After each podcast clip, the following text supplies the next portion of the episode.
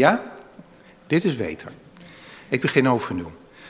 Goedemorgen gemeente. Ik heet u allen van harte welkom hier in onze Samen op.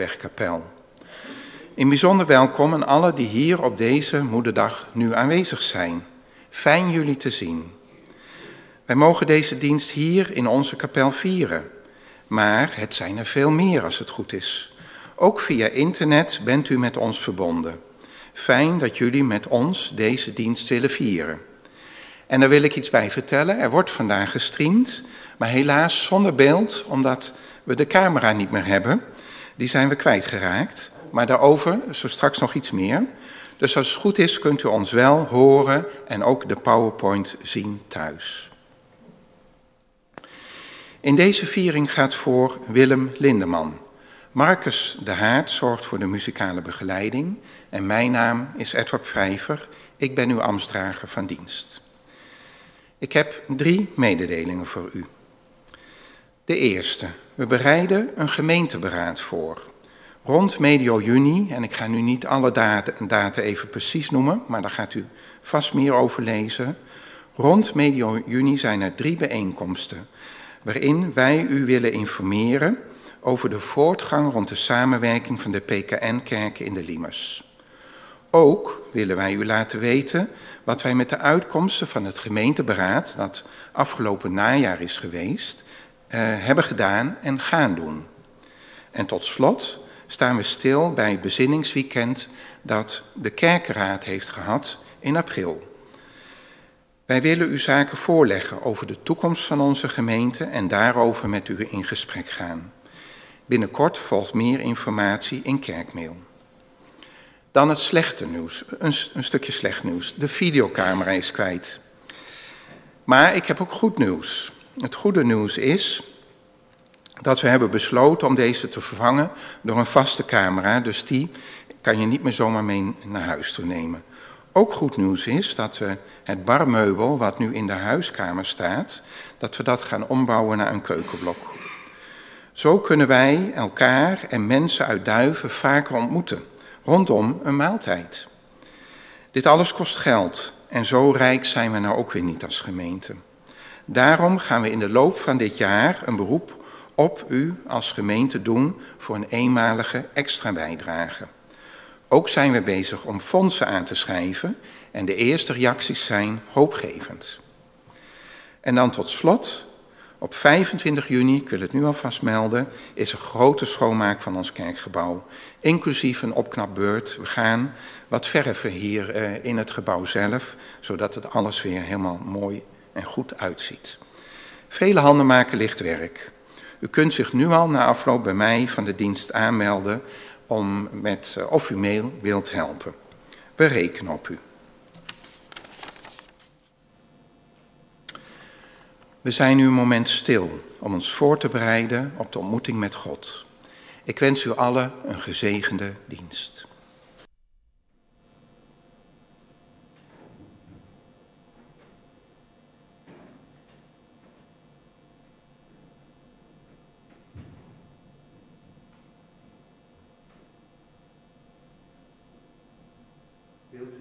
Wilt u zo mogelijk gaan staan? We zingen samen lied 858, vers 1 en 2. Groot is uw trouw, o Heer, mijn God en Vader.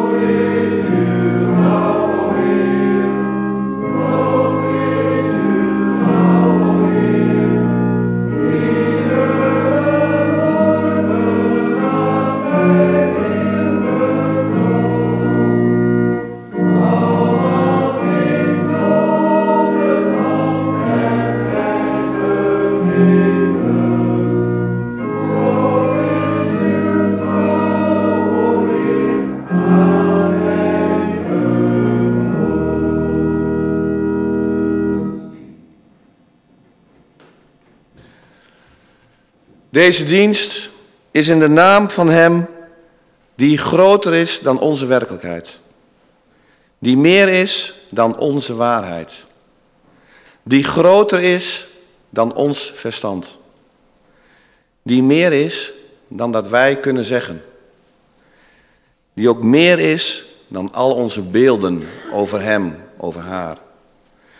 Die niet is vast te leggen, maar die zichtbaar wordt, zo mogen wij geloven. Waar zorg is voor elkaar, waar we mogen lachen, huilen, ontdekken, delen, zoeken, schuilen. Heer, laat ons in uw energie, in uw geest, zo deze dienst beleven. Amen. U mag er zitten. Beste mensen, vandaag is het thema Wees niet bang voor de angst. We gaan samen kijken naar en ons laten inspireren door de gelijkenis van de talenten. Misschien u wel bekend het verhaal. Het verhaal staat in Matthäus 15, vers 14 tot 30. En waar we het meeste bij stil zullen blijven staan, is de dienaar die zijn talent uit angst in de grond begroef. En dat intrigeert mij heel erg. Want waarom heeft hij dat gedaan? Waaruit bestond zijn angst? Waar was die angst op gebaseerd? En herkennen we dit ook bij onszelf, zo nu en dan? Dat je je bevindt in een gebied tussen vermoede mogelijkheden en gevreesde tekortkomingen. Herkent u dat? Herken ik dat? Laten we ons andermaal hierop bezinnen. Ook op onze talenten. Vanuit de gedachte dat niet het vele goed is, maar het goede veel. En, het allerbelangrijkste, dat God hierin altijd bij ons is. En we gaan daarom ook het volgende lied zingen, lied 912. Neem mijn leven, laat het Heer. Het is eigenlijk een soort lied van overgave aan God.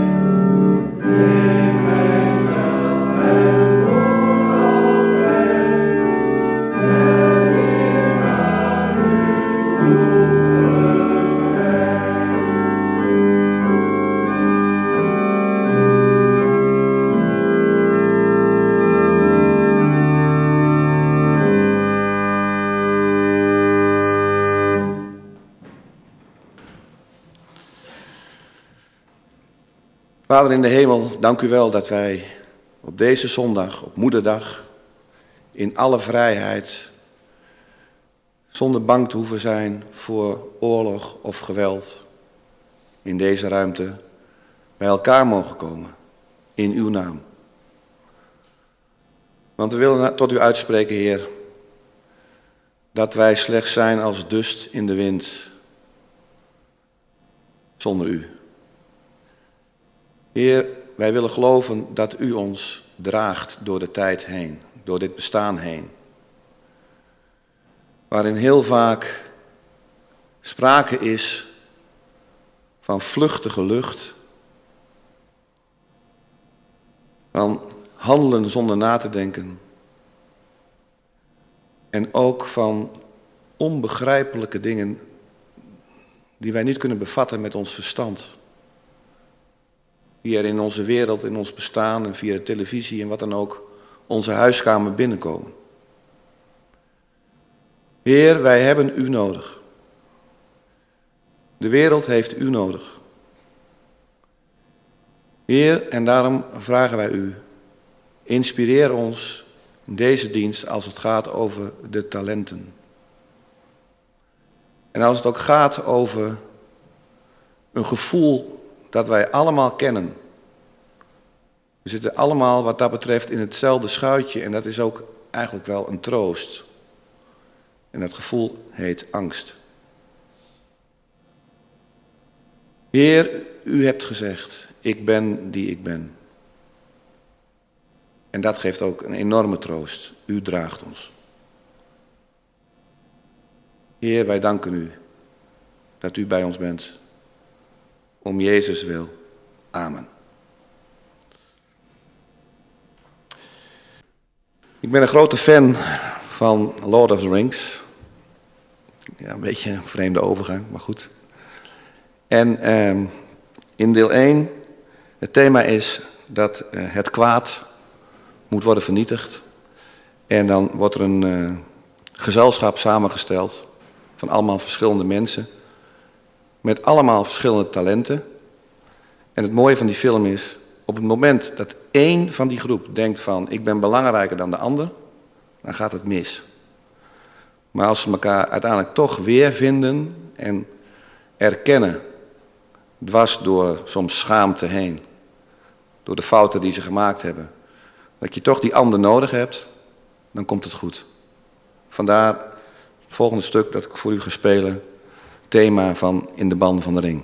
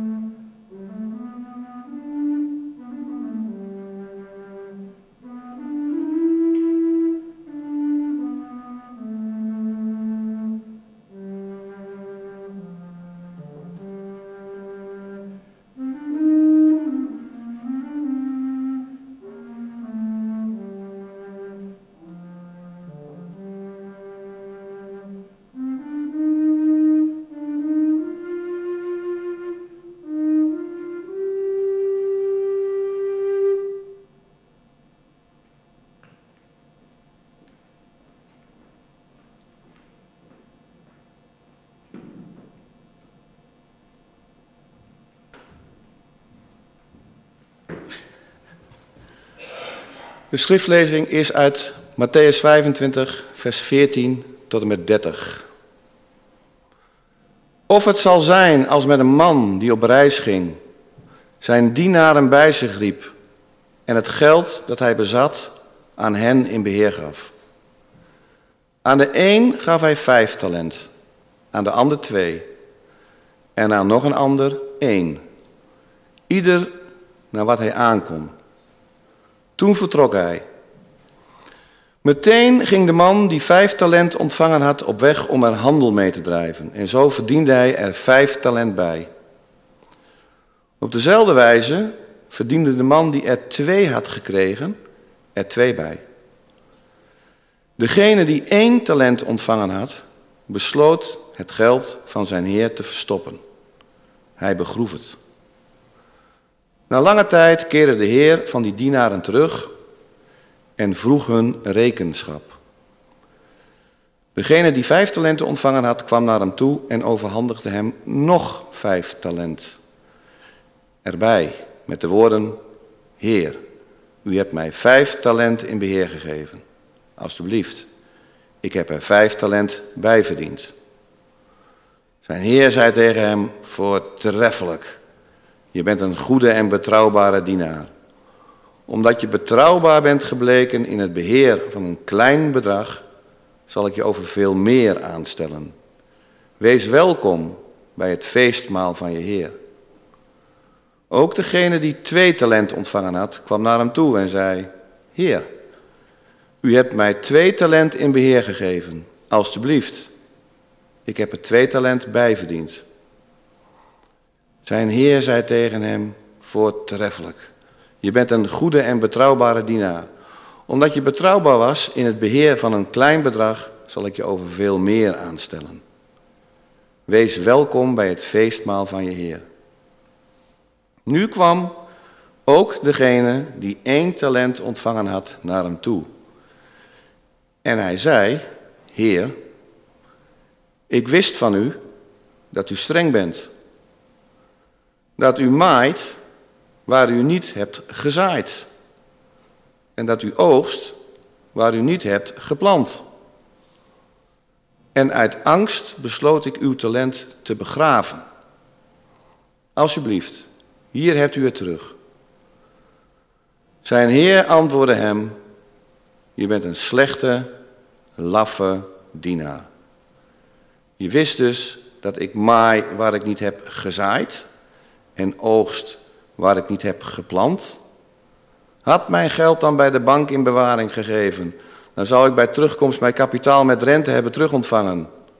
Pak hem dat talent maar af en geef het aan degene die het tien heeft. Want wie heeft, zal nog meer krijgen, en wel in overvloed. Maar wie niets heeft, hem zal zelfs wat hij heeft nog worden ontnomen.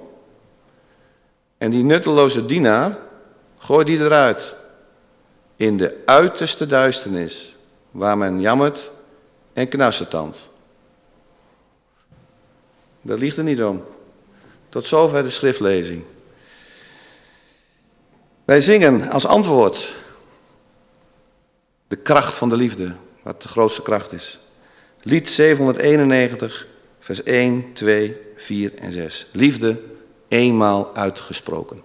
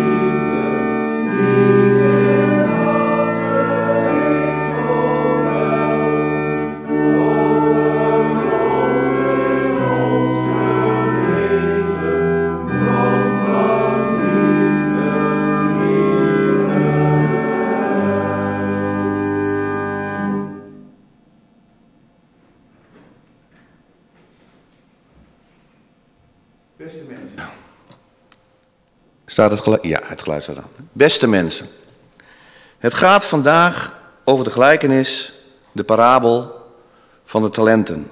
Met als thema, wees niet bang voor de angst.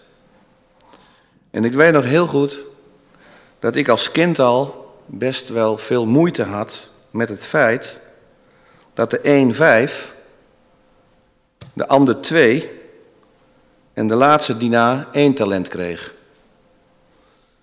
En dan kregen ze van de man die op reis ging.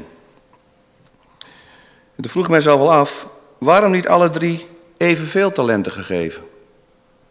En dan gewoon kijken wat er gebeurt. Dan staat er in vers 15, ieder kreeg naar wat hij aankon. Oké, dat volg ik.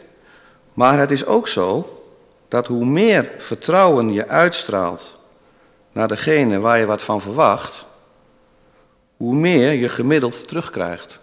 Onderzoek heeft het gewoon aangetoond. Om even onze maatschappij als voorbeeld te geven. Daar heerst over het algemeen nog steeds, is wel een zekere kentering, hoop ik, een sfeer van wantrouwen. Alles moet worden verantwoord, alles moet op papier staan, er zijn systemen bedacht. En als je daar als mens in jouw situatie niet inpast, dan heb je gewoon pech, ont, ontmenselijk. Moet op papier staan, anders bestaat het niet. En dat gegeven is totaal doorgeschoten. En de Chinese filosoof uit de zesde eeuw voor Christus, Lao Tse, die zei het al. Hoe meer wetten, hoe minder vertrouwen. En even een zijweggetje. Dit gegeven, hoe meer wetten, hoe minder vertrouwen, was voor mij een van de redenen om na 40 jaar het onderwijs te verlaten, vroegtijdig. Niet om de kinderen, maar om dit gegeven. De man die op reis ging, deelde dus vijf, twee en één talent uit. In eerste instantie gaat het hier om geld. Heel veel geld. Eén talent bestond uit 30 kilo zilver en was omgerekend een half miljoen waard. Maar de betekenis van deze gelijkenis gaat mijns inziens veel verder, is veel breder. Het gaat hier om hoe je je krachten, je ideeën en je goed inzet in je leven. Daar gaat het hier om, denk ik. Je talenten kun je dan ook vertalen met het laten zien van je liefde, van je goedheid, van je inzet en van je dienstbaarheid. 1, 2 en 5 talenten kunnen ook een sfeer oproepen, bij mij tenminste wel, van minder, meer, meest. De vergrotende trap. En heel eerlijk gezegd, ik ben daar behoorlijk allergisch voor. Want onze maatschappij zit daar nog steeds vol mee. Vroeger was ervaring nog heel belangrijk. Nu geldt telt alleen nog het diploma. Alhoewel, men komt nu ook heel veel arbeidskrachten tekort en ook ongediplomeerden mogen nu toch weer enzovoort. Onze prestatiemaatschappij. In eerste instantie zou je denken dat deze gelijkenis daar goed bij past. Vijf talenten worden tien, twee worden vier en zij worden beloond. Zij zijn de uitblinkers van de sterrenparade. Zij zijn, zou je kunnen zeggen, misschien wel hoogbegaafd. Daar is op zich helemaal niks mis mee. Die twee dienaren hebben gewoon goed hun best gedaan. Daar is niks mis mee. Maar als je dat zo betitelt, hoogbegaafd, dat houdt ook in dat er mensen zijn, en dat is in onze maatschappij, wordt het ook zo aangeduid, die gemiddeld begaafd zijn, of die laag begaafd zijn. Net zoals je het ook hebt over het hoger onderwijs, het middelbaar onderwijs, het lager onderwijs. En dat alles is alleen maar, goed over nadenkt, gebaseerd op één talent. En dat is het talent van de theoretische intelligentie. Eén van de vreselijkste dingen om te doen toen ik nog voor de klas stond. Even een opmerking maken dat ik een waanzinnige tijd heb gehad op de wiekslag. Omgaan met kinderen, met de collega's. Prima. Maar een van de vreselijkste dingen vond ik altijd, ik heb het altijd wel braaf gedaan, was het afnemen van toetsen van het CITO-leerling-volgsysteem. Misschien hebt u daar wel eens van gehoord. En ook de eindtoets, CITO. Je hebt tegenwoordig veel meer eindtoetsen. Het CITO-leerling-volgsysteem, dat gebeurde al bij de, de kleutertjes. Hè. Ja, moet natuurlijk, er natuurlijk niet vroeg genoeg bij zijn. Hè. Beetje cynisch, sorry. In groep 1, twee keer per jaar, groep 1 hè, vier jaar, vijf jaar, tot en met 8. En daarnaast nog in groep 8 de eindtoets. En die toetsen dus alleen de theoretische intelligentie. Dus niet de sociale intelligentie. De emotionele intelligentie. En ook heel belangrijk, net zo belangrijk als die andere, de praktische intelligentie. De mensen met de gouden handjes. In tegenstelling tot, tot deze jongen. Creatieve intelligentie. Kinderen die bijvoorbeeld enorm creatief, uit eigen ervaring, dat vond ik altijd zo erg, deden alles aan om die kinderen er weer bij te halen. Kinderen die bijvoorbeeld enorm creatief, maar minder theoretisch onderlegd waren, kregen een lage score. En andersom kregen de kinderen, die nog geen, geen poppetje konden tekenen, een hoge score. Hoe oneerlijk. Een omgeving creëren eigenlijk, waarin het talent van iemand door de toets of het soort onderwijs wordt weggedrukt of nog erger, wordt ontkend. En die kinderen die moesten dan altijd naar de bijles. Ze bijgeschoold worden. Er is op zich helemaal niks mis mee.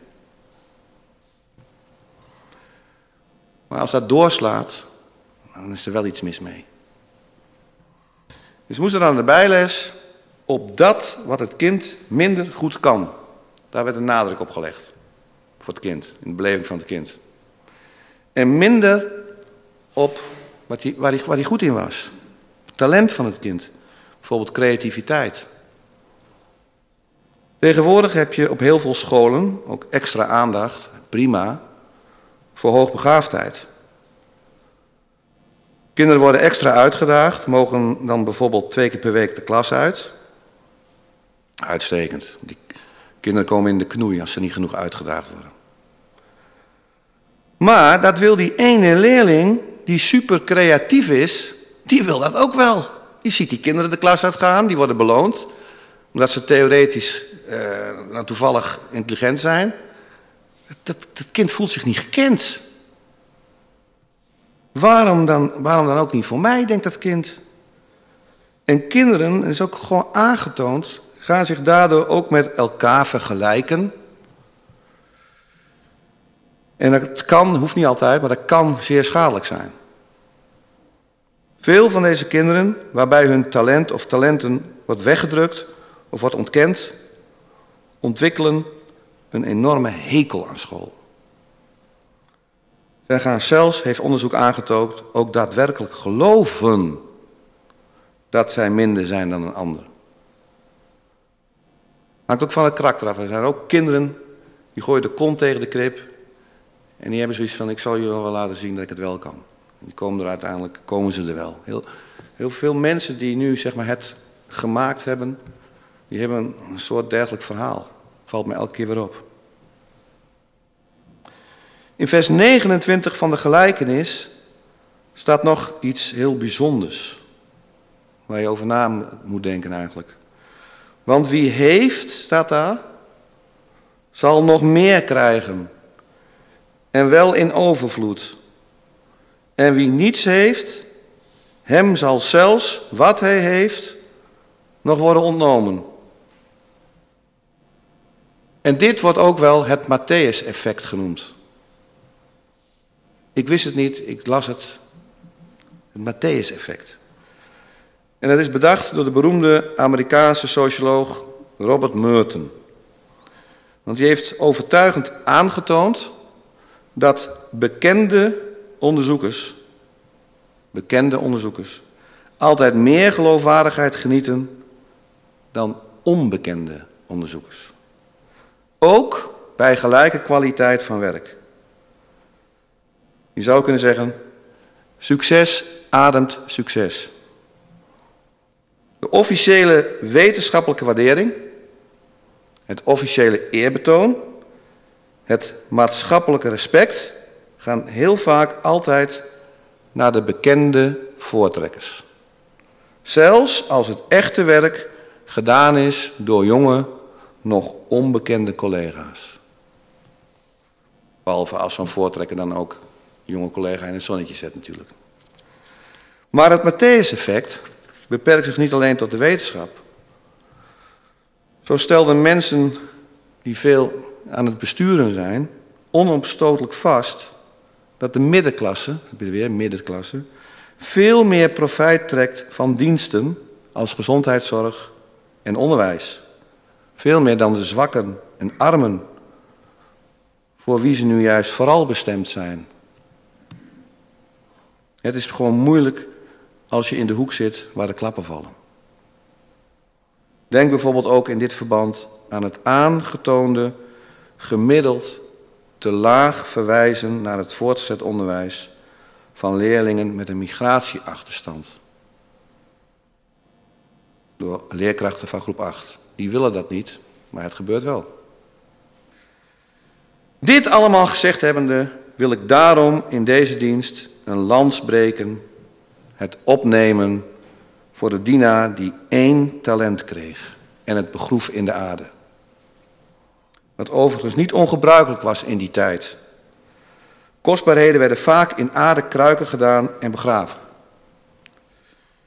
De knecht met het ene talent zou in onze tijd waarschijnlijk, dat weten we natuurlijk niet, maar waarschijnlijk een zeer lage CITO-score hebben gehaald. Dat denk ik. Had elke keer te horen gekregen dat het weer niet goed was. En uiteindelijk ging hij daar ook in geloven. Hij vindt zichzelf als mens te klein en te minderwaardig.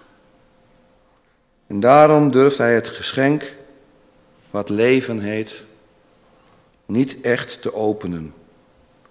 Uit angst dat hij dan zelf een geschenk voor anderen moet gaan zijn. Wie zit er nou op hem te wachten? Hij is bang om te ontvangen, want dan moet je ook geven, denkt hij. Hij is bang om uit zijn eigen veilige wereld te moeten treden naar het grote, dreigende, onbekende. Hij is als een vis in zijn eigen veilige water. En daarbuiten, op het droge, denkt hij, ja, dat kan niet, dan sterf ik. Hij is bang om het gelaat te ontmoeten van de ander die vraagt, durf jij mij lief te hebben? En hij vertrouwt vanuit dat gevoel daarom ook helemaal niet de man die op reis gaat. Echt niet. En hem dat ene talent geeft. En dan denkt hij, ja, zie je wel. Ik krijg gewoon wat ik ben. Die anderen krijgen twee, hij krijgt er vijf. En ik krijg wat ik ben, één. Ik ben een één. Dat wat hij zijn hele leven lang al heeft ervaren, bang voor is geweest, dat komt nu allemaal samen.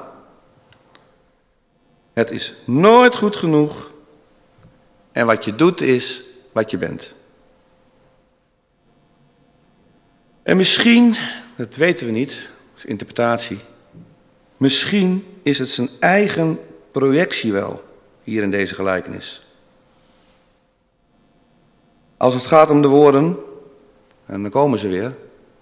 Jij bent een slechte, laffe dienaar. Ik spreek het expres even zo uit.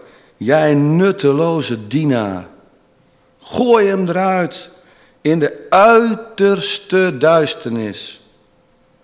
Dat vond ik ook zo uh, bijzonder. Uiterste duisternis, hè? Het is al duister. Maar dan heb je ook nog de uiterste duisternis. Daar is het nog eenzamer. En dan wordt er omschreven met waar men jammert en knarset tand. Dat zou zijn innerlijk kunnen zijn. Zijn eigen beeld, zijn self-fulfilling prophecy. Dat zou kunnen. De meeste uitleggingen zeggen dat de man die op reis ging, dat dat Jezus is. Of zo u wil, God. Ik heb er heel lang over nagedacht, maar ik herken mij daar niet in. Nee. Misschien een gesprekspunt, eventueel, voor na de dienst. Hoeft niet, mag wel. En daarom, lieve man, met het ene talent wil ik je een hart onder de riem steken. Laat ik je eerst maar eens een naam geven. Wat dacht je van politimos? Dat betekent kostbaar. Lieve politimos, ik heet Willem en ik voel mij met vallen en opstaan en ook twijfel, een hele scala van emoties, gezien en gedragen en uniek door God, door Jezus. En ik wens jou dat ook zo toe. Hé, hey, Politimos, angst is eigenlijk in eerste instantie een positieve emotie. Positief. Want angst helpt je om te reageren op gevaar. Dat weet je waarschijnlijk wel, maar het lichaam raakt dan in opperste staat van paraatheid. Waardoor je hart sneller gaat kloppen, je ademhaling versnelt, de bloeddruk gaat omhoog en de spieren spannen zich aan. En deze plotselinge hevige angst duurt niet lang. En ervaart iedereen wel eens.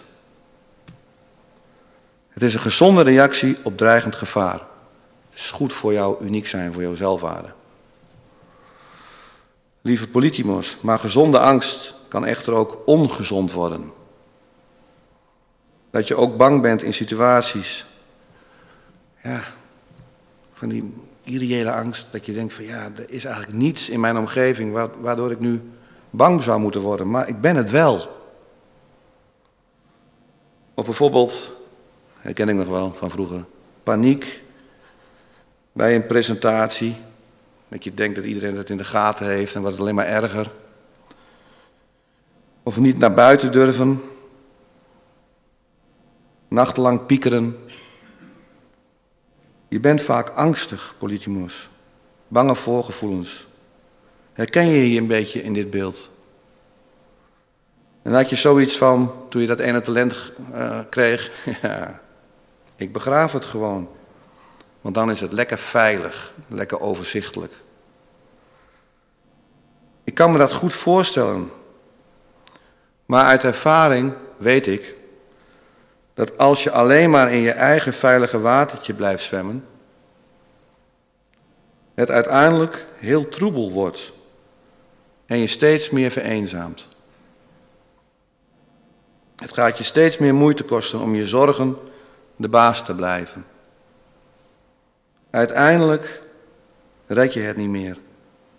Je redt het niet meer alleen, echt niet. Lieve politimos, en daarom, en dat bedoel ik niet moraliserend hoor, of denk daarom. Nee, daarom heeft God ons aan elkaar gegeven. En daarom heeft God in Jezus en door Jezus laten zien hoe wij er voor elkaar kunnen zijn zodat wij elkaars talenten gaan zien en elkaars talenten gaan versterken. En gaan zeggen, hé hey, Politimos, ik heb jouw talent nodig. Lieve Politimos, soms als het even niet meer gaat, als het je te kwaad, niet meer voelt waar je staat en waar naartoe, als je er niet meer bij kan. Dat liefde bestaat in jou, voor jou, door jou. Zal ik je zien, brandend op mijn netvlies, knuffelend in mijn hart. Het is maar even dat je het weet en ik hoop voor altijd dat je het voelt. Lieve mensen, als het gaat om onze talenten in het koninkrijk van God, hebben we elkaar keihard nodig. Ik zal een voorbeeld geven uit mijn eigen leven. Ik heb als kind van tien jaar en ook al eerder al heel veel op dat stuk hout gejammerd. Mijn moeder werd er soms helemaal gek van. Heel veel op de blokfluit gespeeld. Op een zeer jonge leeftijd. Trok gewoon aan op een of andere manier. Maar ik had absoluut niet het besef dat dat een talent van mij was. Absoluut niet. Mijn bewustzijn daarover, zou je kunnen zeggen, lag nog begraven in de grond. Tot ik bij de band Thesis kwam, de jaren tachtig was dat, lang geleden. Onder leiding van André Bijleveld, die nu een van de meest toonaangevende muzici is in Gospel Nederland. En toen gingen we met de jongens van de band gingen we naar een gospel rock concert. Wij als, uh, als jonge broekies gingen we ons vergapen naar de gospel rockband Voice. Heette die. Ik kan er niks aan doen. Die heette Voice. Tot dan toe had ik alleen nog maar vaste melodielijntjes uit mijn hoofd gespeeld. Want ik kon helemaal geen noten lezen, een beetje. En toen speelde de dwarsfluitist van Voice. Ik, zie hem nog gewoon zo spelen, ik hoor alles nog. Een solo waarin hij ook improviseerde. En er ging een wereld voor mij open. Echt. En de jongens waren diep onder de indruk. En die lieten dat ook blijken. En toen dacht ik, ja, maar dat wil ik ook. En dat kan ik ook. En ik vroeg André om een opname van dat nummer. En ik heb me echt de hele week bij het dwangmatige af, wil ik wel eerlijk toegeven, bewusteloos gespeeld bijna. Echt. En toen was het zover. De repetitie van de band. En ik stikte van de zenuwen.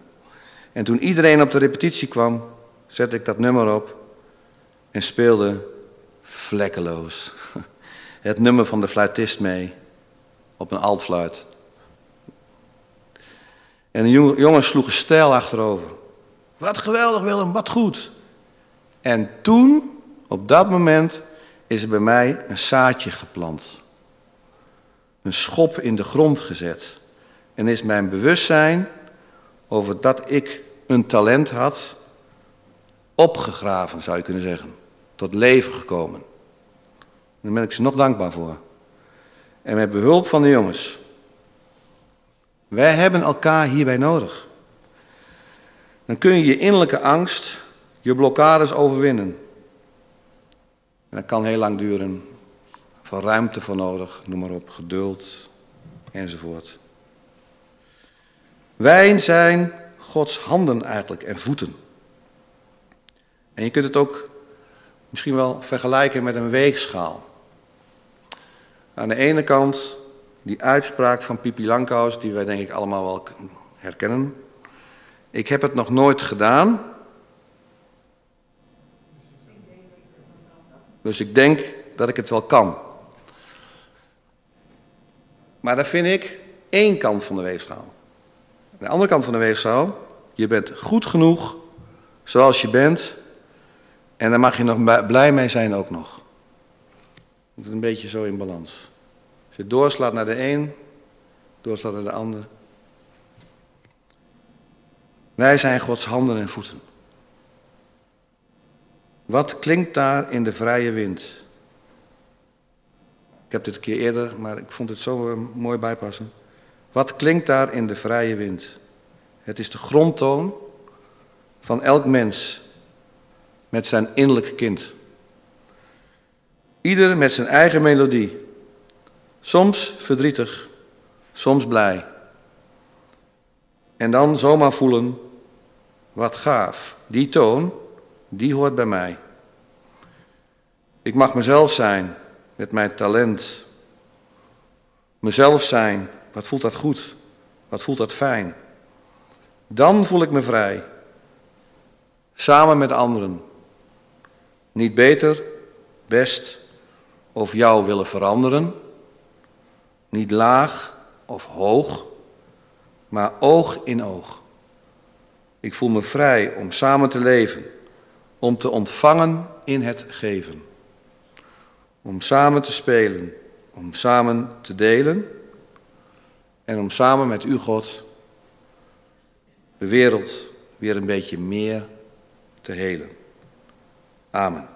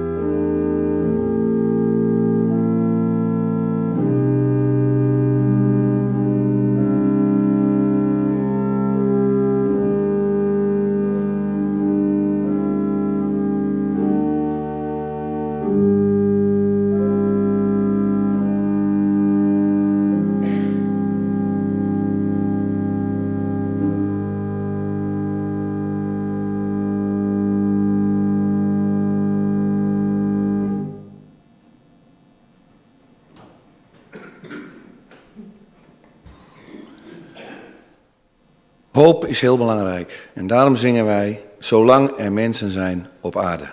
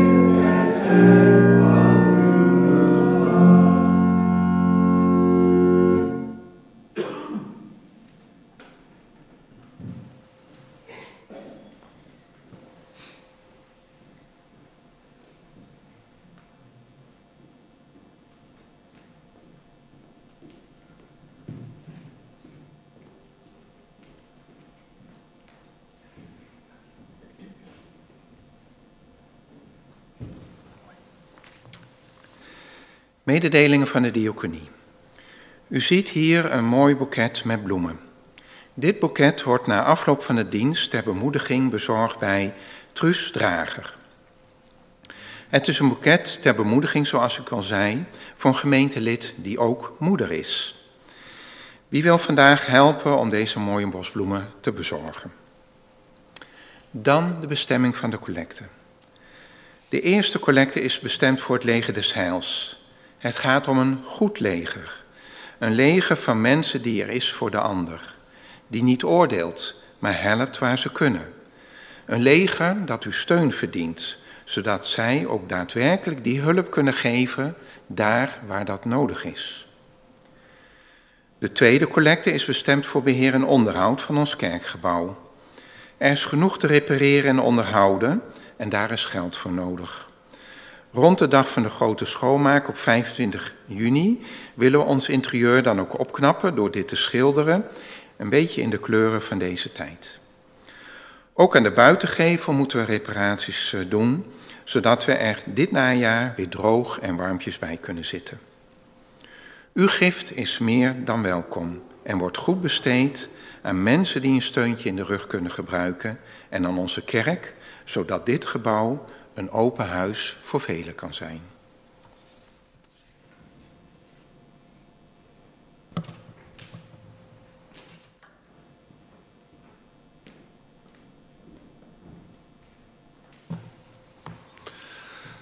Zullen wij samen gaan bidden, voorbeden gaan doen en dan gezamenlijk afsluiten met het Onze Vader. Vader in de hemel, dank u wel Heer dat u ons door en door kent. En dat is niet bedreigend, maar dat is enorm troostrijk. U kent ons, u weet hoe we in elkaar zitten, waar we mee worstelen, waar we ons op verheugen. U staat heel dicht bij ons, u draagt ons. daar willen we u voor danken. Heer, en u wilt graag dat wij onze talenten in uw dienst stellen. In de kracht van uw liefde. Vader, wij komen tot u, Heer, om voorbereiden te doen. Want er is deze week weer zo ontzettend veel gebeurd eigenlijk. Wij bidden nu, Heer, voor morgen, 9 mei. Als Rusland viert de overwinning op Nazi-Duitsland en de angst is, angst, dat hij het hele land wil mobiliseren en de oorlog officieel verklaart aan de Oekraïne met alle gevolgen van dien. Vader, maak, hoe dan ook, dat dat niet gebeurt. Laat mensen op het hoogste niveau, ja, hoogste niveau, ervaren dat zij moeten afdalen uit de torens van macht. Dat zij beseffen dat andere mensen gelijkwaardig zijn aan hen. Heer, dat bid ik u.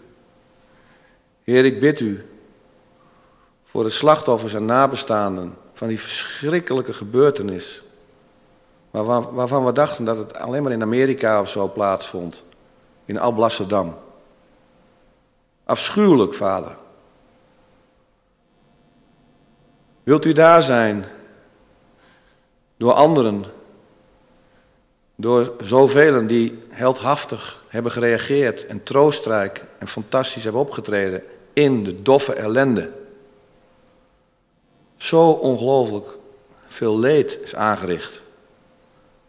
Wilt u daar zijn, vader? Ik u ook voor de situatie in Pakistan. Het is voor ons gewoon niet te bevatten wat daar nu gebeurt.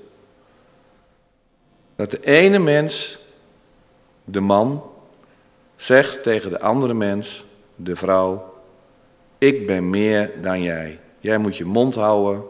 Jij mag dit niet en je mag dat niet. En het is allemaal goed. Dat kan toch niet waar zijn, vader? Heer, ik weet niet hoe, maar ik bid u voor een oplossing. Verandering. En ongetwijfeld zullen daar ook in het klein in dat land mensen zijn die zich daartegen verzetten. Misschien kan er een sneeuwbaleffect ontstaan. Heer, en dan wil ik u ook bidden voor alle moeders. Want het is vandaag moederdag. En hoe belangrijk is de moeder?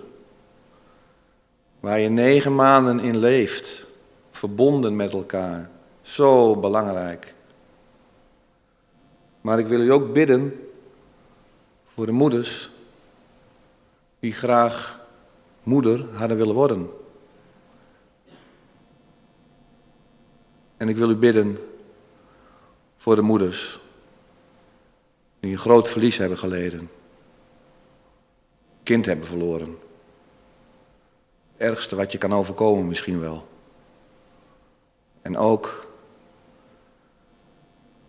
ja, wilt u bij ze zijn. Heer, zo komen we tot u met alles wat in ons leeft.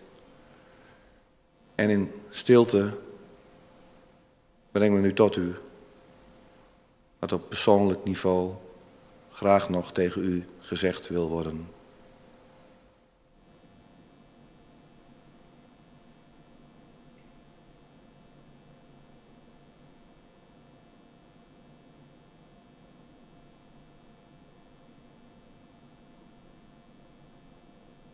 Dan bidden wij samen, onze Vader die in de hemel zijt, uw naam worden geheiligd, uw koninkrijk komen, uw wil geschieden, op aarde zoals in de hemel.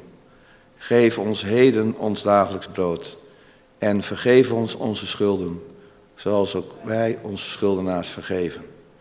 En leid ons niet in verzoeking, maar verlos ons van de boze, want van u is het koninkrijk en de kracht en de heerlijkheid tot in eeuwigheid. Amen. Wij eindigen in de hoop van de grootste kracht en dat is de liefde. Zullen wij samen gaan staan en zingen het eerste vers van Bron van Liefde, Licht en Leven. Dan volgt de zegen en na de zegen zingen wij nog het tweede couplet.